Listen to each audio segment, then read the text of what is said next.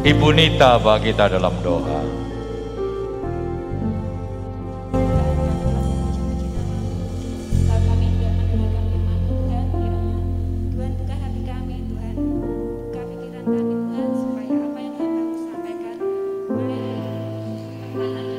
Haleluya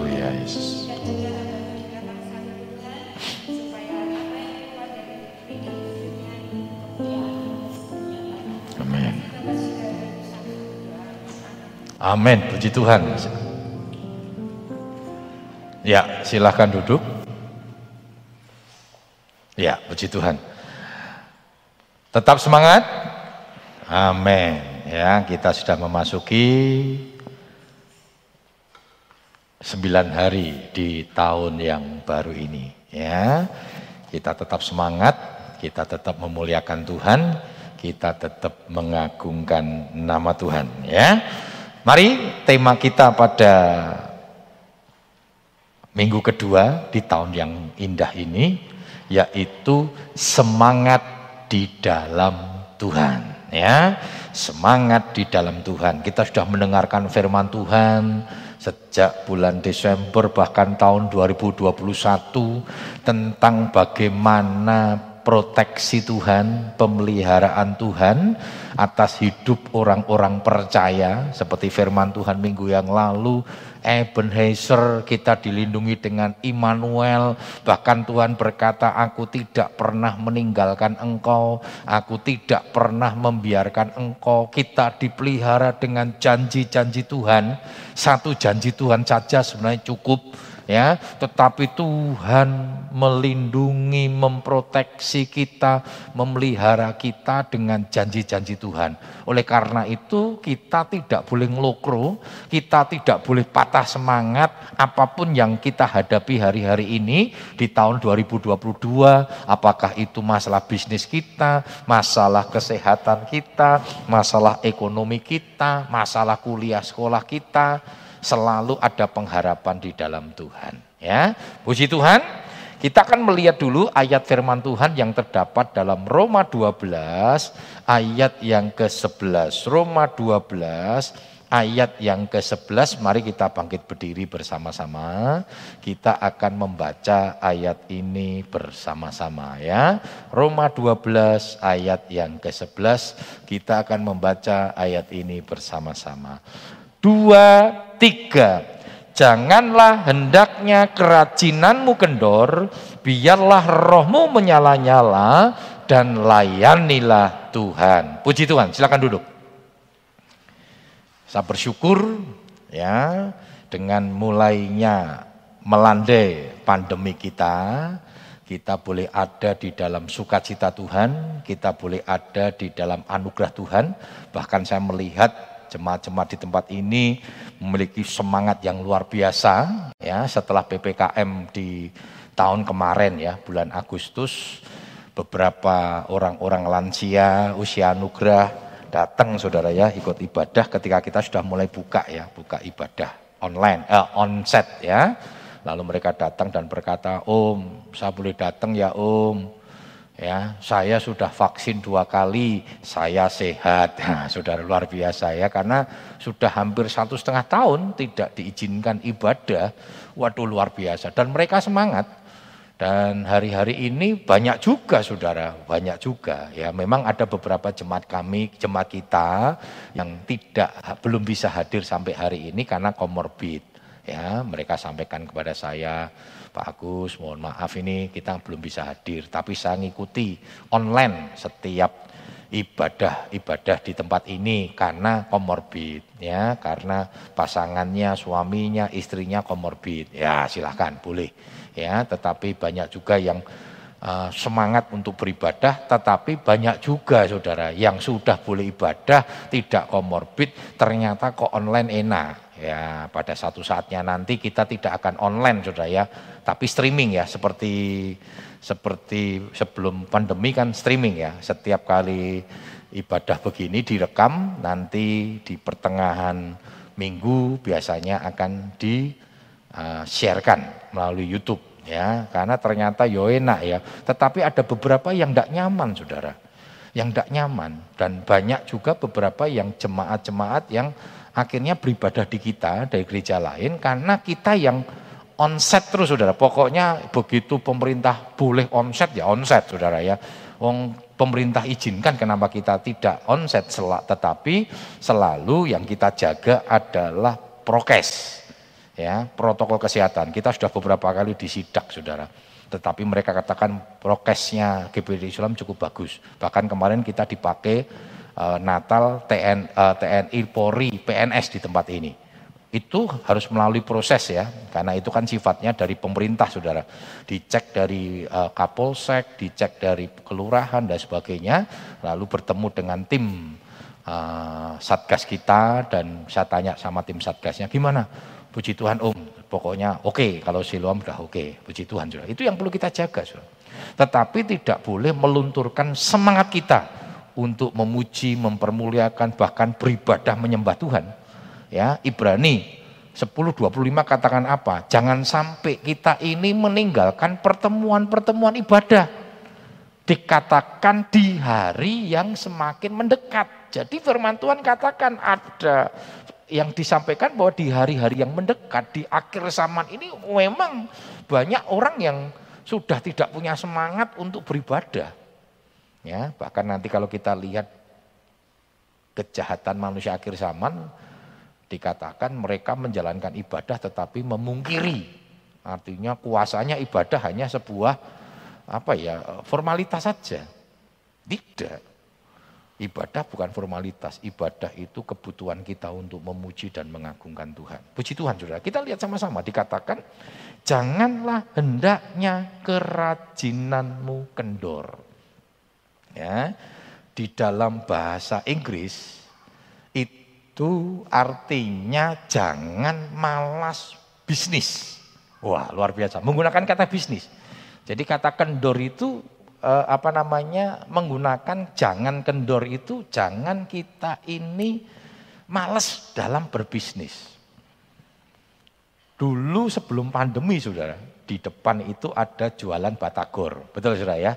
Saya kira percaya bapak-bapak langganan saudara ya, pasti langganan juga batagor. Saya kadang pengen juga saudara ya, saya suruh anak saya beli saudara ya, dan enaknya itu makannya tidak dibuka saudara. Jadi ujungnya ujungnya plastik dipotong, jadi mangannya diplototi kok enak sudah. Saya lihat itu bocah-bocah ini mangan meng plotot, plotot. Saya nyoba sudah neng rumah. Kok ya enak saudara ya. Asal beli tapi pakai piring rasa plastik ya. Wah dipotong ujungnya didik plotot, plotot saudara. Nah saudara biasanya mereka ini bapaknya itu jam lima setengah lima ya ah, sorry jam lima seperempat datang saudara. Mau udan, mau panas, teko saudara ya bahkan saya tahu dia waktu itu mungkin masuk angin saudara kenapa saya lihat nganggu salon pas di leher buh cengeng apa masuk angin datang saudara saya sering kali berguru dengan beberapa anak muda. Lihat itu. Ora tahu bolos saudara. Udan teko. Begitu udan wah jemaat langsung puji Tuhan. Ya engkau alasannya u udan. Kalah mbak tukang batakur saudara. Saya di kota Solo saudara, di gereja saya Gebris Kepunton saudara, sejak saya kecil ya, sejak saya SD, itu ada penjual ibu cabuk rambak. Tahu cabuk rambak di sini ya, cabuk rambak itu lontong ya, dikasih apa namanya sambel ya, sambelnya dari dedak itu mungkin saudara ya, waduh enak itu ya, dijual itu. Nah kami biasanya sekolah minggu dia sudah datang saudara ibadah sekolah minggu jam 7 sudah datang, kami sekolah minggu sampai jam 8 setengah 9, setelah itu kami latihan ya, latihan kinderkur. Kinderkur itu apa ya, uh, paduan suara anak-anak. Ya, nah itu ada jeda kurang lebih 10 menit. Nah itu biasanya kita suka makan tuh, beli cabuk ramba. Dari saya anak sekolah minggu, remaja, pemuda, bahkan pada waktu itu saya sudah bekerja saudara, ibunya setia loh saudara. Wis tua, Ya, setia. Saya sering kali berguru begini. Kita sering kali tidak setia. Ibu cabuk rambak udan-udan. Dia duduknya di bawah sudah. Nganggu payung dodolan. Orang males saudara. Tapi waktu itu saya punya beban gini, dia setia, neng ratau mlebu neng gereja sudah. Kenapa? Orang sing injili sudah ya. yang injili. Satu kali saya beritakan Injil sama dia. Ya, soal dia percaya nggak percaya itu urusan dia sudah ya, urusan dia. Tapi minimal setiap setiap hari dia dengar firman loh sudah. Setiap minggu sorry ya, dia dengar firman. Loh saudara janganlah kerajinan kendor itu artinya jangan kita ini malas berbisnis. Jangan kendor itu pengertian yang lain dikatakan kita harus tekun. Dalam arti di dalam pengiringan kita kepada Tuhan. Loh kalau nggak tekun sudah berapa banyak perjalanan rohani kita. Ya saya tidak tahu berapa lama durasi Bapak Ibu Saudara mengenal Tuhan. Masih ingat selalu saya katakan jangan pernah bangga ketika engkau lama jadi orang Kristen. Tapi banggalah, walaupun lama, engkau tetap memiliki hubungan yang intens sama Tuhan dan itu semakin me meningkat progres. Waktu kita anak-anak, waktu kita remaja, cinta Tuhan. Makanya Ibrani katakan apa? Dilihat dari sudut waktu, Harusnya kamu sudah jadi pe pengajar. Tetapi kamu harus masih memerlukan susu. Diajarkan tentang asas-asas pertobatan. Kamu nggak mengalami kedewasaan. Berarti pengiringan kita kepada Tuhan harus pro progres. Bisa bayangkan usia sih sudah 30 tahun neng gereja sik nganggo tok ndek pakaian baby sudah ya, pakaian bayi. Terus dikalungi empong sudah ya. Wah, nggo ngrungokke firman. Wis gede awake sih wah mantap Saudara. Neng ngrungokke firman Tuhan karo ngempong Saudara. Saya ini percaya kalau ada yang seperti itu, saya khotbah sudah kalah fokus. Orang pasti ngeliatin orang itu. Apalagi linggi ini ngarepan. Wah, saudara kalau ngempong saudara. Dikon lungo, lah saudara piye carane saudara ya. Wah repot saudara. Awake gede tetapi seperti firman Tuhan. Bangtet. Ya. Karena itu kita tidak boleh kendor. Coba kita lihat Amsal 6 ayat 9 sampai 11. Amsal pasal yang ke-6 ayat 9 sampai yang ke-11. Hai pemalas, berapa lama lagi engkau berbaring? Bilakah engkau akan bangun dari tidurmu? Tidur sebentar lagi, mengantuk sebentar lagi, melimpat tangan sebentar lagi untuk tinggal berbaring, maka datanglah kemiskinan kepadamu seperti seorang penyerbu dan kekurangan seperti orang bersenjata. Orang malas saudara, itu biasanya begitu saudara ya. Kring, alarm. Waduh, saya punya teman saudara, alarmnya tiga. Jadi bunyi setiap setengah jam. Dia jam 6 itu harus bangun. Dari jam 5 alarm dinyalakan. Wah, saya bilang, lo kok kenapa telu? Pokoknya begitu alarm pertama bunyi kring, masih ada harapan satu jam lagi. Wah, sudah iso turu meneh, sudah ya. Alarm kedua, kring dipateni, masih ada harapan setengah jam lagi. Ya, kering ketiga lali iki, iki alarm kepiro oh sik pertama sik sak jam lali saudara ya ini orang males saudara ayah saya selalu katakan gini, kowe nek bangun dulu ya. Waduh saya itu kenapa sampai sekarang saya cerewet saudara. Kalau membangunkan anak saya, Bu Ika kalah saya, saya saya membangunkan biasanya. Oh kalau tidak bangun sama saya, kupingnya keri. Saudara. Eh bangun, ya sih, bangun, ya sih, bangun saya bilang pokoknya. Orang gelem tak tarik, orang gelem lagi, anduk dikasih apa air, aku kasih muka saudara. Ya, mesti bangun sudah. Dulu saya naik retreat di kota Solo gitu sudah. Anak-anak remaja mereka nggak berani sudah. Jam 5 sudah doa pagi, setengah lima ngumpul. Jam 4 saya keliling. Ya, sama bawa anduk. Ya, sama bawa anduk, anduk basah itu ya saya basahin. Eh bangun, wangel-angel kasih mukanya. Uh, kaget sudah. Oh, Pak Agus bangun, bangun sudah. Ayah saya selalu katakan gitu, kau naik males, kakimu langsung taruh ya di apa namanya di ranjang itu taruh aja di lantai kan adem-adem saudara ya pasti bangun. Nah orang malas itu seperti itu saudara. Maka dikatakan apa tadi? Malas. Sebentar lagi lah menunda. Orang malas salah satu juga menunda-nunda pekerjaan. eh suwe, ah suwe. Orang kuliah kan gitu sudah ya. Biasanya kalau kuliah itu kan tidak langsung. Ya, kalau PR beda sudah. Oh ya dikumpulkan tanggal sekian. Wah, luput kabeh. Kenapa?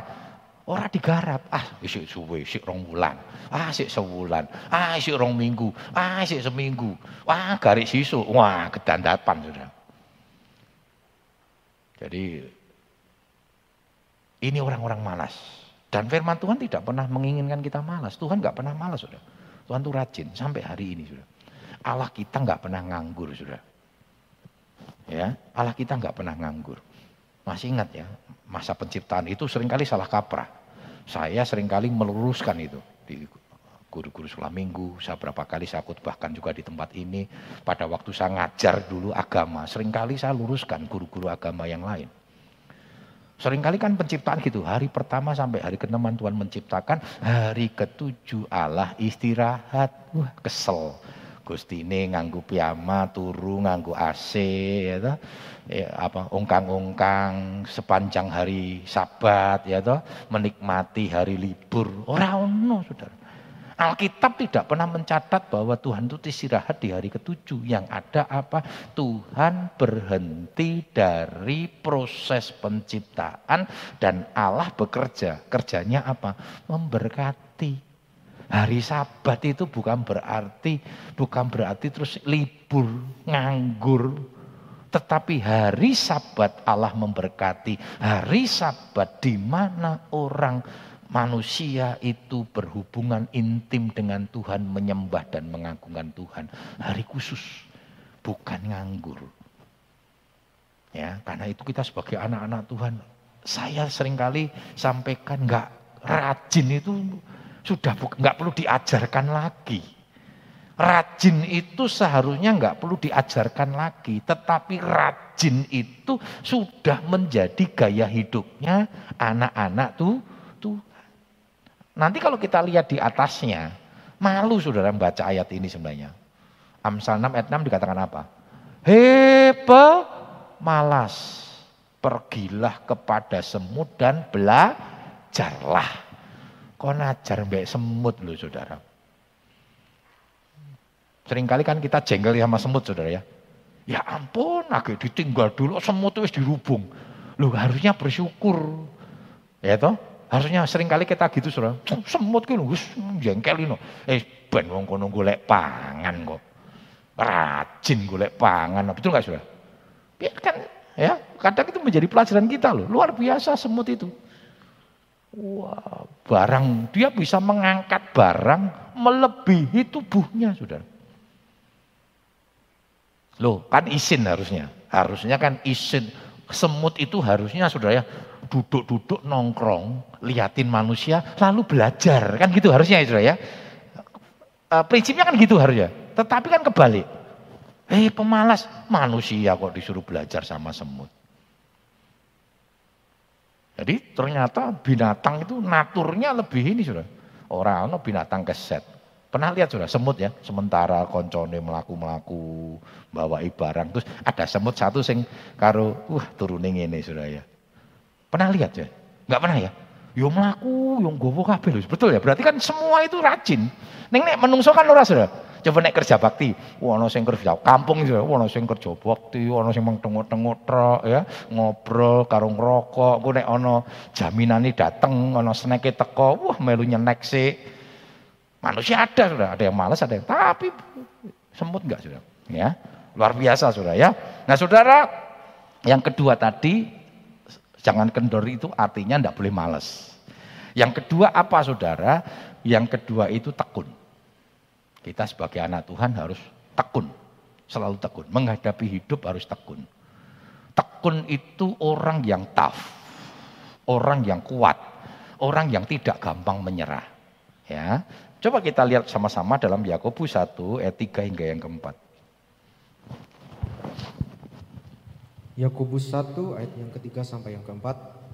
Sebab kamu tahu bahwa ujian terhadap imanmu itu menghasilkan ketekunan, dan biarkanlah ketekunanmu itu memperoleh buah yang matang, supaya kamu menjadi sempurna dan utuh dan tak kekurangan suatu apa pun. Ya, tekun sudah. Tuhan Yesus tekun memikul salib. Dia tidak pantang menyerah. Tekun ini juga bicara tidak menyerah ketika menghadapi tekanan, ketika menghadapi masalah. Hidup selalu ada masalah. Makanya ada firman Tuhan katakan aku menyertai sampai akhir zaman. Jadi sebelum akhir zaman masalah akan terus ada. Ujian, pencobaan itu akan selalu ada. Jadi jangan pernah berdoa minta supaya pencobaan itu enggak ada. Dengan adanya masalah membuat kita dekat sama tuh Tuhan. Betul enggak saudara? Kapan sudah dekat sama Tuhan? Ketika ada persoalan. Makanya jangan dekat sama Tuhan ketika ada persoalan saudara.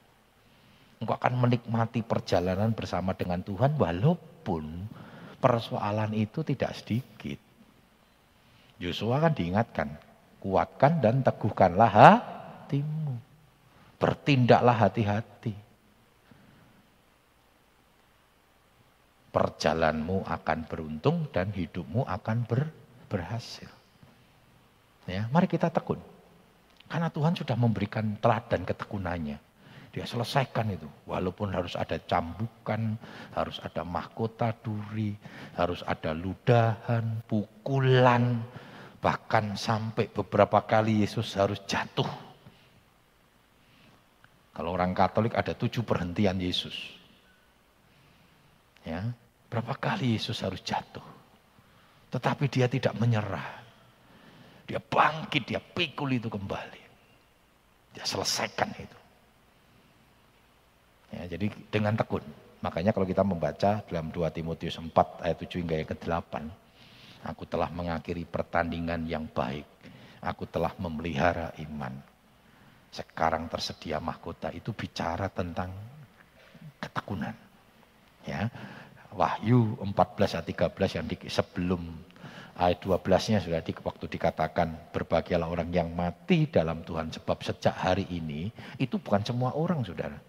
Tetapi ayat 12 dikatakan yang terpenting adalah ketekunan. Mari kita tekun. Saya ingin percaya orang-orang yang berhasil adalah orang-orang yang tekun. Coba kita flashback ke belakang. Itu karena Tuhan memberkati orang-orang yang tekun. Ya, yang kedua dikatakan apa? Rohmu menyala-nyala. Semangat, tekun, roh kita harus menyala-nyala. Roh menyala-nyala ini artinya memiliki semangat dalam bergaul karib dengan Tuhan. Kenapa? Karena bergaul karib dengan Tuhan itu asik. Menyenangkan. Menggairahkan. Betul nggak saudara?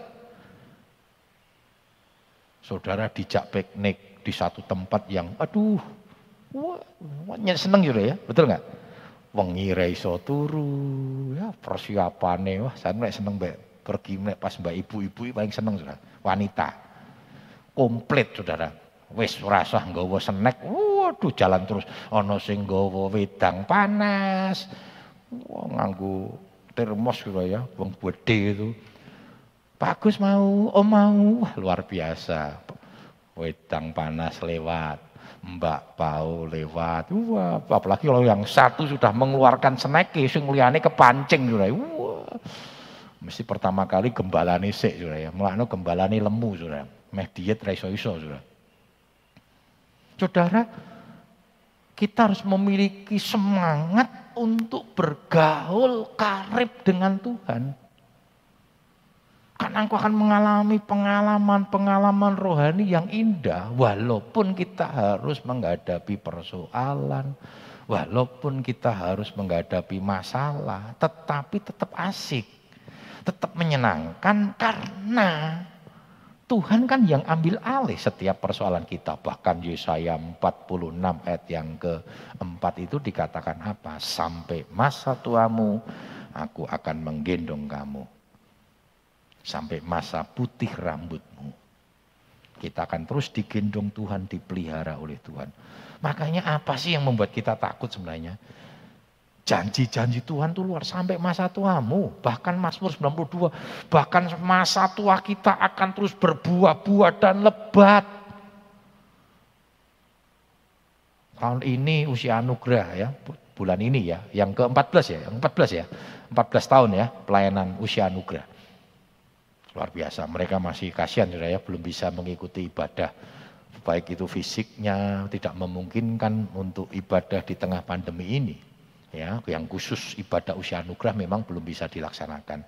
Tetapi saya bersyukur ada beberapa usia-usia anugerah yang sudah hadir di dalam ibadah kita pada pagi yang indah ini. Ya. Coba kita lihat sama-sama dalam Yesaya 40 ayat 31. Yesaya pasal yang ke-40 ayat yang ke-31. Tetapi orang-orang yang menanti-nantikan Tuhan mendapatkan kekuatan baru mereka seumpama Raja Wali yang naik terbang dengan kekuatan sayapnya. Mereka berlari dan tidak menjadi lesu. Mereka berjalan dan tidak menjadi lelah. Orang-orang yang menanti-nantikan Tuhan ini bicara orang-orang yang memiliki semangat untuk selalu bergaul karib dengan Tuhan. Ya, dikatakan tadi, dia seumpama Raja Wali yang selalu mendapatkan kekuatan baru, sudah.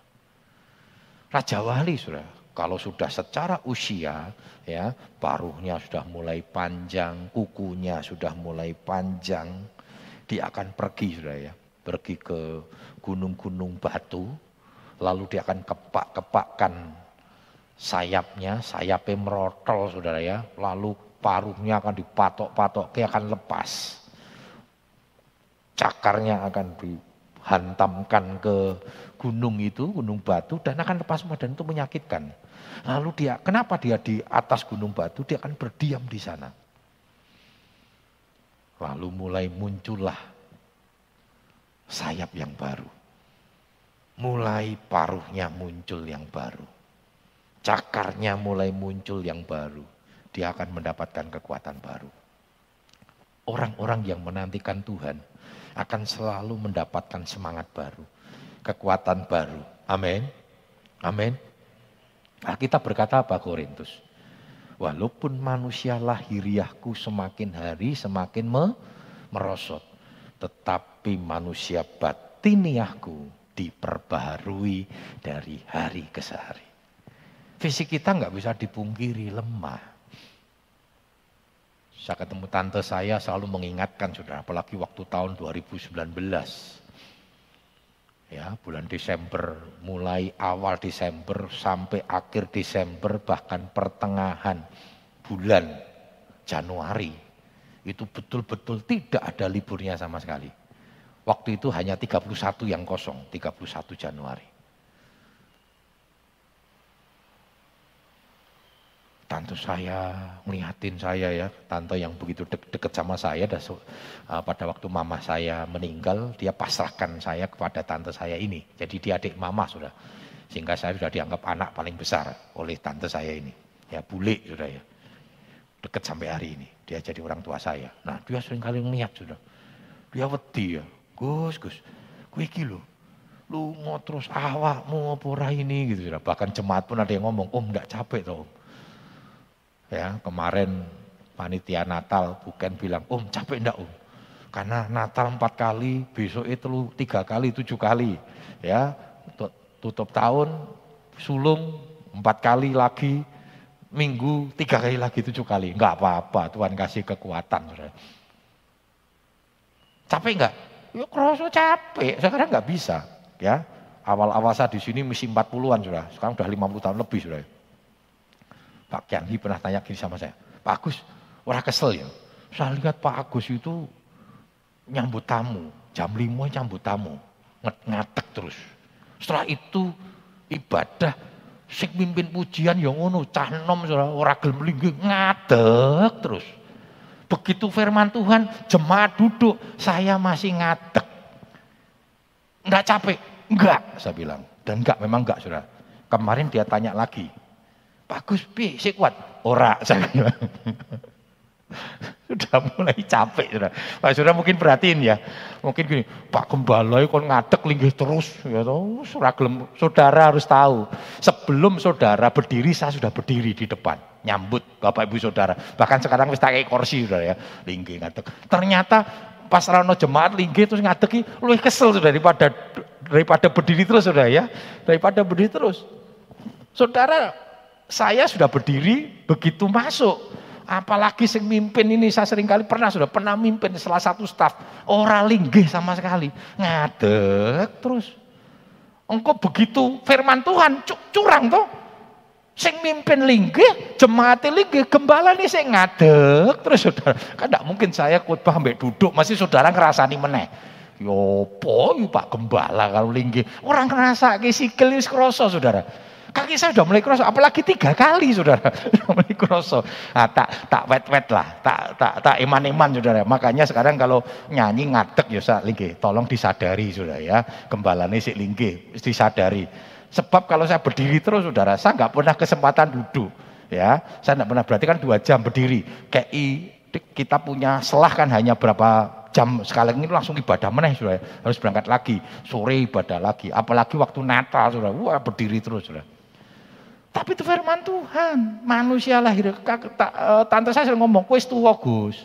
Kuis setengah abad punjul. Ya, jogo fisikmu.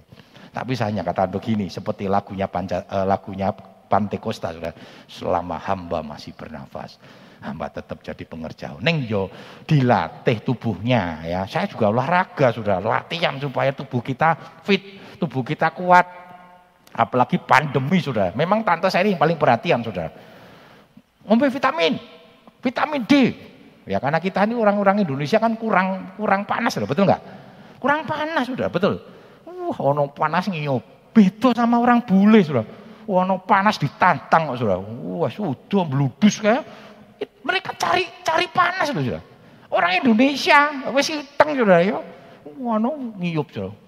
Uyak-uyakan. Coba lihat naik jalan uyak-uyakan, uyak-uyakan mbek, mbek, mbek matahari. Padahal matahari itu bagus.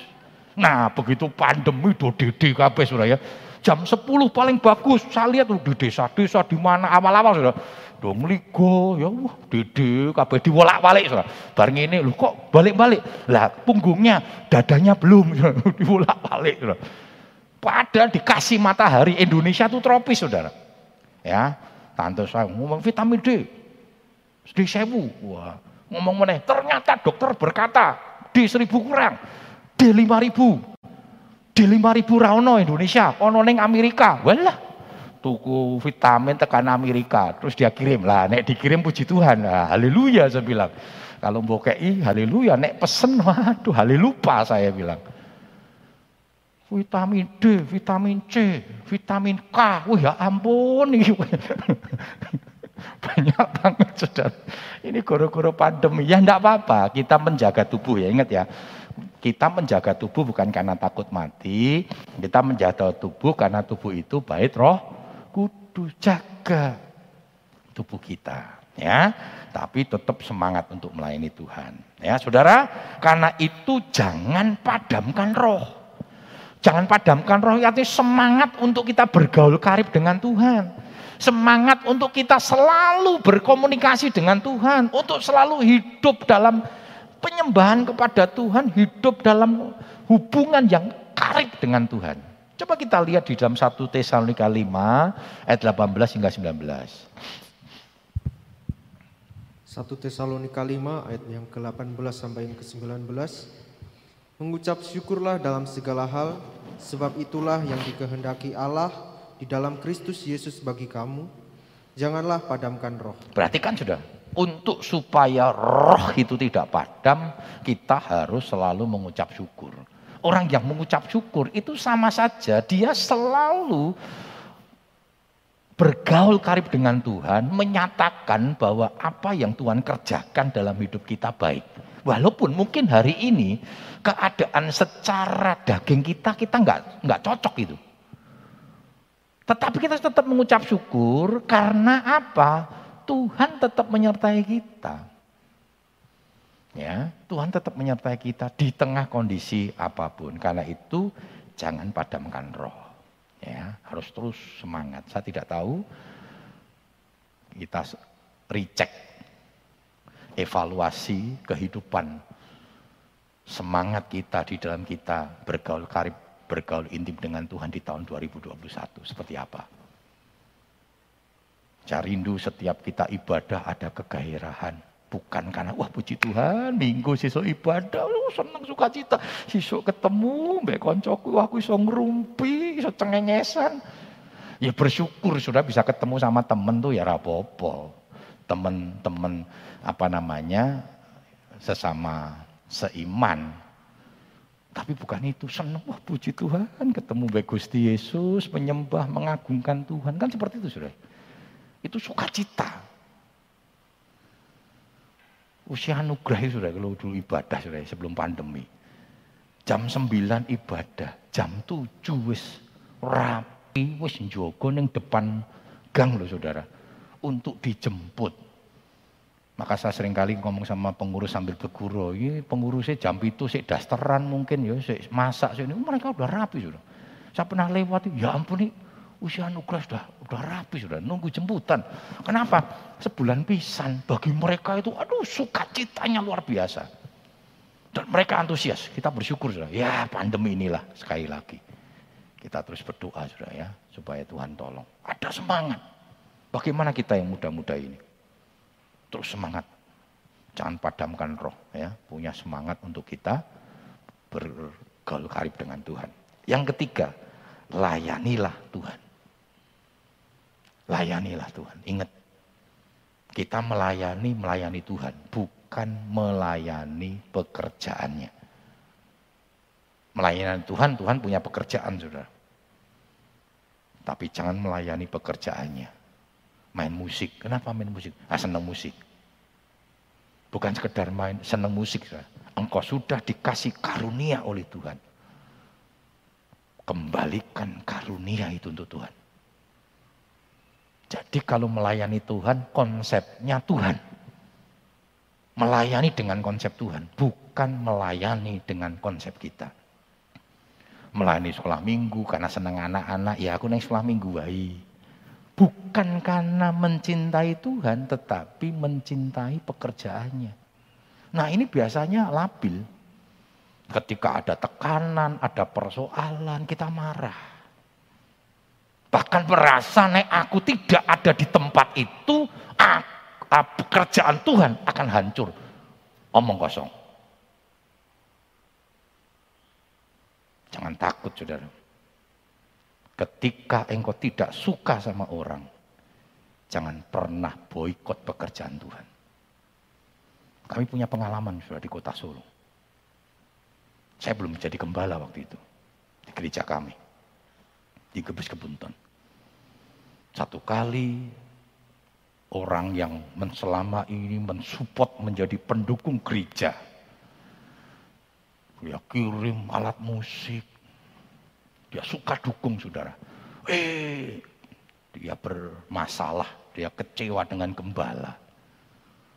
Tahu-tahu tengah minggu alat musik yang dia sumbang diangkut lagi saudara. Uh, cilaka besar ini saudara. Ingat saudara ya, ketika engkau mempersembahkan sesuatu untuk Tuhan, ketika engkau kecewa baik itu sama gembalanya maupun kecewa sama gerejanya, orang-orang di dalamnya, jangan lagi engkau ambil itu. Karena apa yang kau sudah persembahkan untuk Tuhan, itu untuk Tuhan sudah. Diambil sudah. Diangkut. Orang kaya sudah. Lalu dia ngomong begini, saya akan bangun gedung gereja di depan gereja Gebis Kebunton. Lebih gede, secara ekonomi dia mampu sudah. Orang kaya. Dia angkut saudara. Dia pengaruhi pemain musik karena pemain musik lebih dekat sama dia.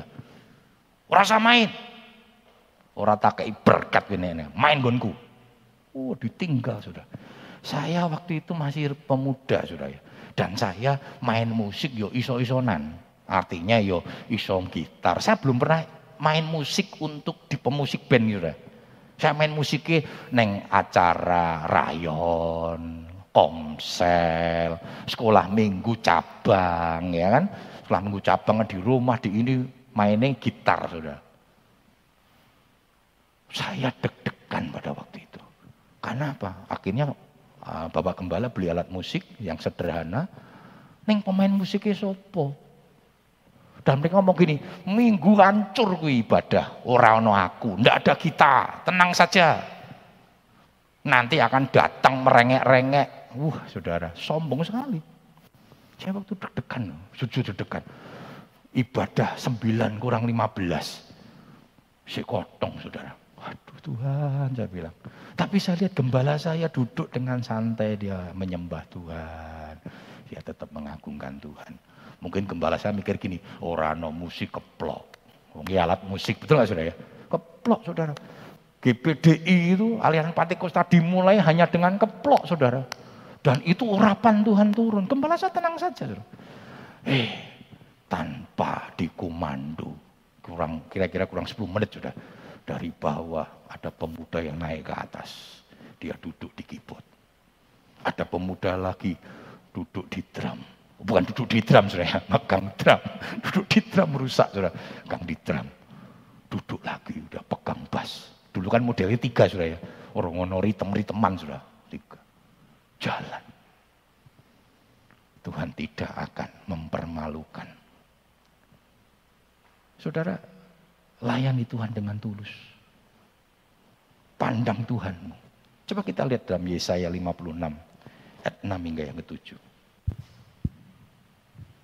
Yesaya pasal yang ke-56 ayat 6 sampai yang ketujuh.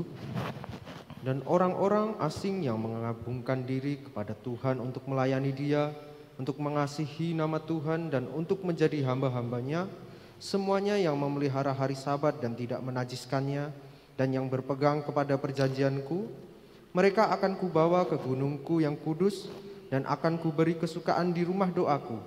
Aku akan berkenan kepada korban-korban bakaran dan korban-korban sembelihan mereka yang dipersembahkan di atas mesbahku, sebab rumahku akan disebut rumah doa bagi segala bangsa. Perhatikan sudah. Orang yang mengasihi Tuhan, melayani karena mencintai Tuhan, mengasihi dengan segenap hatinya, karena berpegang kepada perjanjiannya. Apa yang dikatakan? Dia akan dibawa kepada satu pengalaman bersama-sama dengan Tuhan. Ada dalam rumah Tuhan. Saya senang melayani Tuhan sejak saya SMP, sudah. Dan saya tidak suka melayani di pusat. Saya senang melayani di daerah-daerah marginal. Saya melayani di kolong-kolong jembatan, saya jadikan cabang sekolah minggu. Saya buka beberapa cabang-cabang di daerah kota Solo yang daerah-daerah kumuh. Kami buka pelayanan di sana. Pelayanan kami mulai Tuhan izinkan dipakai, diberkati Tuhan. Banyak anak-anak sekolah minggu dimenangkan. Saya dulu melayani sekolah minggu dulu. Lalu gembala kami melihat saudara potensi itu. Saya dipanggil sama ibu gembala. Bagus, kamu melayani di pusat ya. Karena pada waktu itu pembinanya, kalau kami namanya pembina sekolah minggu saudara. Seorang hamba Tuhan yang tinggalkan gereja ya, ya istilahnya seperti berontak gitu saudara ya kamu gantikan. Waduh saya bilang, saya enggak mampu tante, enggak. Tante sudah lihat. Kau pegang. Pusat katanya. Dan sudah tahu jumlahnya berapa? Tiga ribu anak sekolah minggu. Tuhan percayakan sudah. Tuhan bawa kepada pengalaman. Tapi saya tetap, wah di daerah karena itu harinya beda sudah, bukan hari minggu ya. Saya tetap melayani sudah. Kenapa? Ada satu kesukaan yang luar biasa kalau engkau melayani Tuhan. Bahkan ketika Tuhan izinkan, saya mengalami diizinkan. Waduh, ditekan dan sebagainya. Gembala saya itu, ibu gembala itu galaknya luar biasa, sudah keras. Ya, pernah satu kali kami pemuda, ya, saya kan tidak pernah main musik, sudah. Saya selalu bagian acara, ketua dan sebagainya. Kita dekor-dekor dari pagi karena mau mau Natal pemuda sudah dari pagi dekor dekor dekor dekor. Pemain musik pemain musiknya latihan ya. Bahkan wis bar latihan sih genjreng genjreng sudah. Wah terus. Lalu selesai capek sudah ya. Saya kan selesai latihan ya. Eh sorry selesai dekor kan sudah selesai semua kita tinggal beres-beres sudah. Sambil capek dulu istirahat dulu saya duduk di atas keyboard terus main sudah ya. Ya walaupun ora pinter ya saya main keyboard sudah. Baru tang ting ibu gembala saya masuk Agus, itu kibot juga kaya wong ya. Mbok genjrang-genjreng. Orang dulu kan ngomong genjrang-genjreng. Mbok genjrang-genjreng teko iso sampai sore yang kok rusak. Dalam mati tante saya baru tang tingtung loh tante, tang tingtung. Nek nama dibantah sudah. Sama, eh tante, saya baru saja tante. Oh rawani sudah. Donek-onek ya wis, oh ya tante maaf. Enggak boleh seperti itu. Itu juga perlu waktu istirahat. Mbok cang cang cang cang boy. Kok rusak? Nah, kok gereja tuku meneh katanya sudah. Oh, tante saya galak sudah. Tapi sayang. Tapi ternyata saya baru tahu dia sadar sayang sudah sama saya. Maaf tante, maaf nih batinku aku tante, aku sing main akuin dekor iki lho. Sing tang ting tang wis do mulih kabeh kok aku sing seneni. Tapi tidak apa-apa sudah. Saya suka cita dan catat menganggap dia orang tua saya. Makanya pada waktu meninggal, kemarin saya datang sudah ya. Saya termasuk senior di situ. Langsung mereka ada radio sudah ya. Langsung saya dipanggil. Agus, Agus, ayo kesan dulu. Kesan pertama kali apa? Tante Obo. Ya, almarhum Tante Obo galak saya bilang, galak ke sana sudah. Tapi sukacita sudah. Kenapa? Yang kita layani bukan manusianya, yang kita layani Tuhan.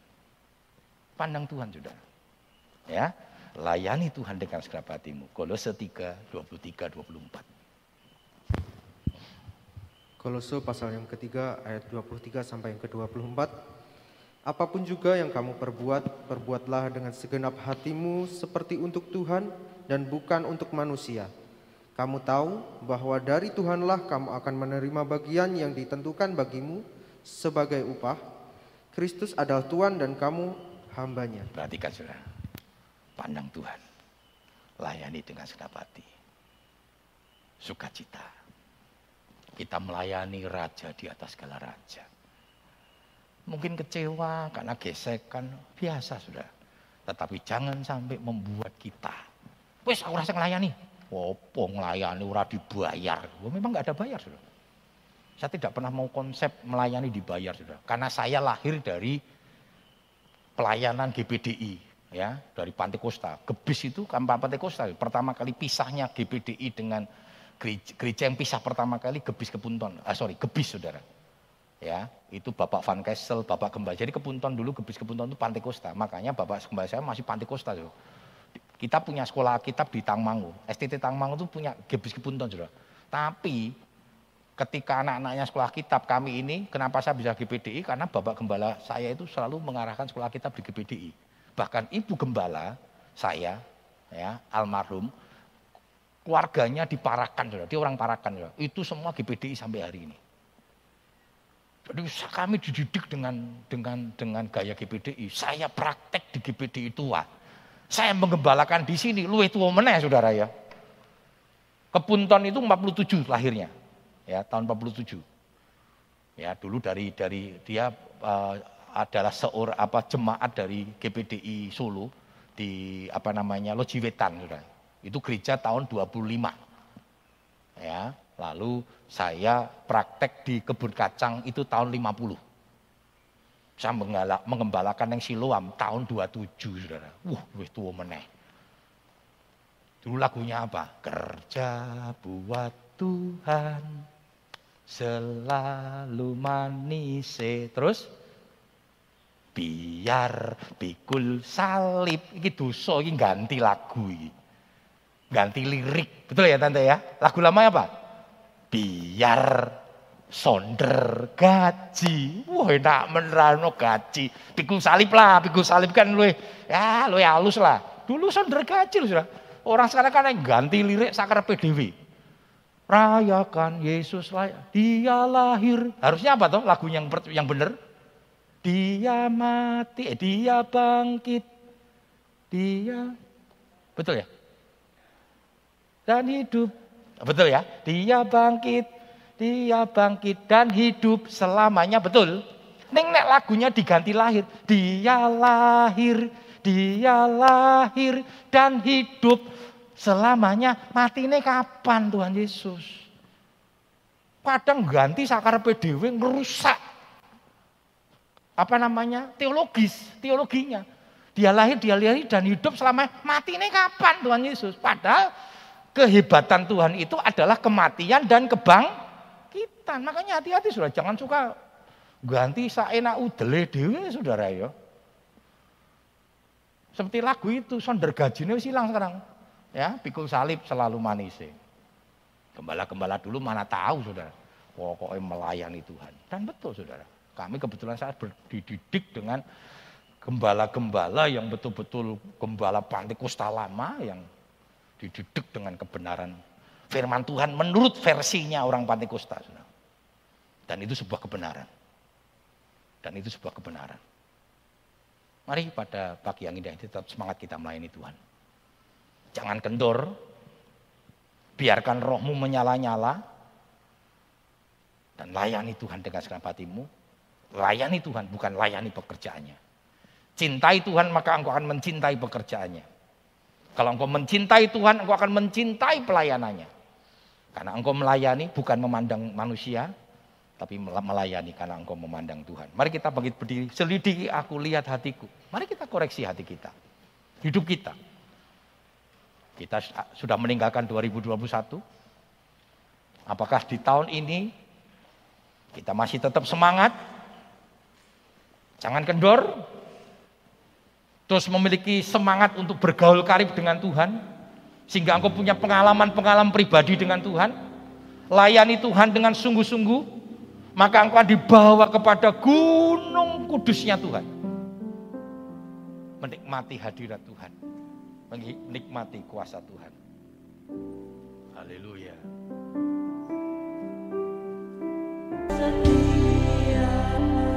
Ibu Karen bagi kita dalam doa.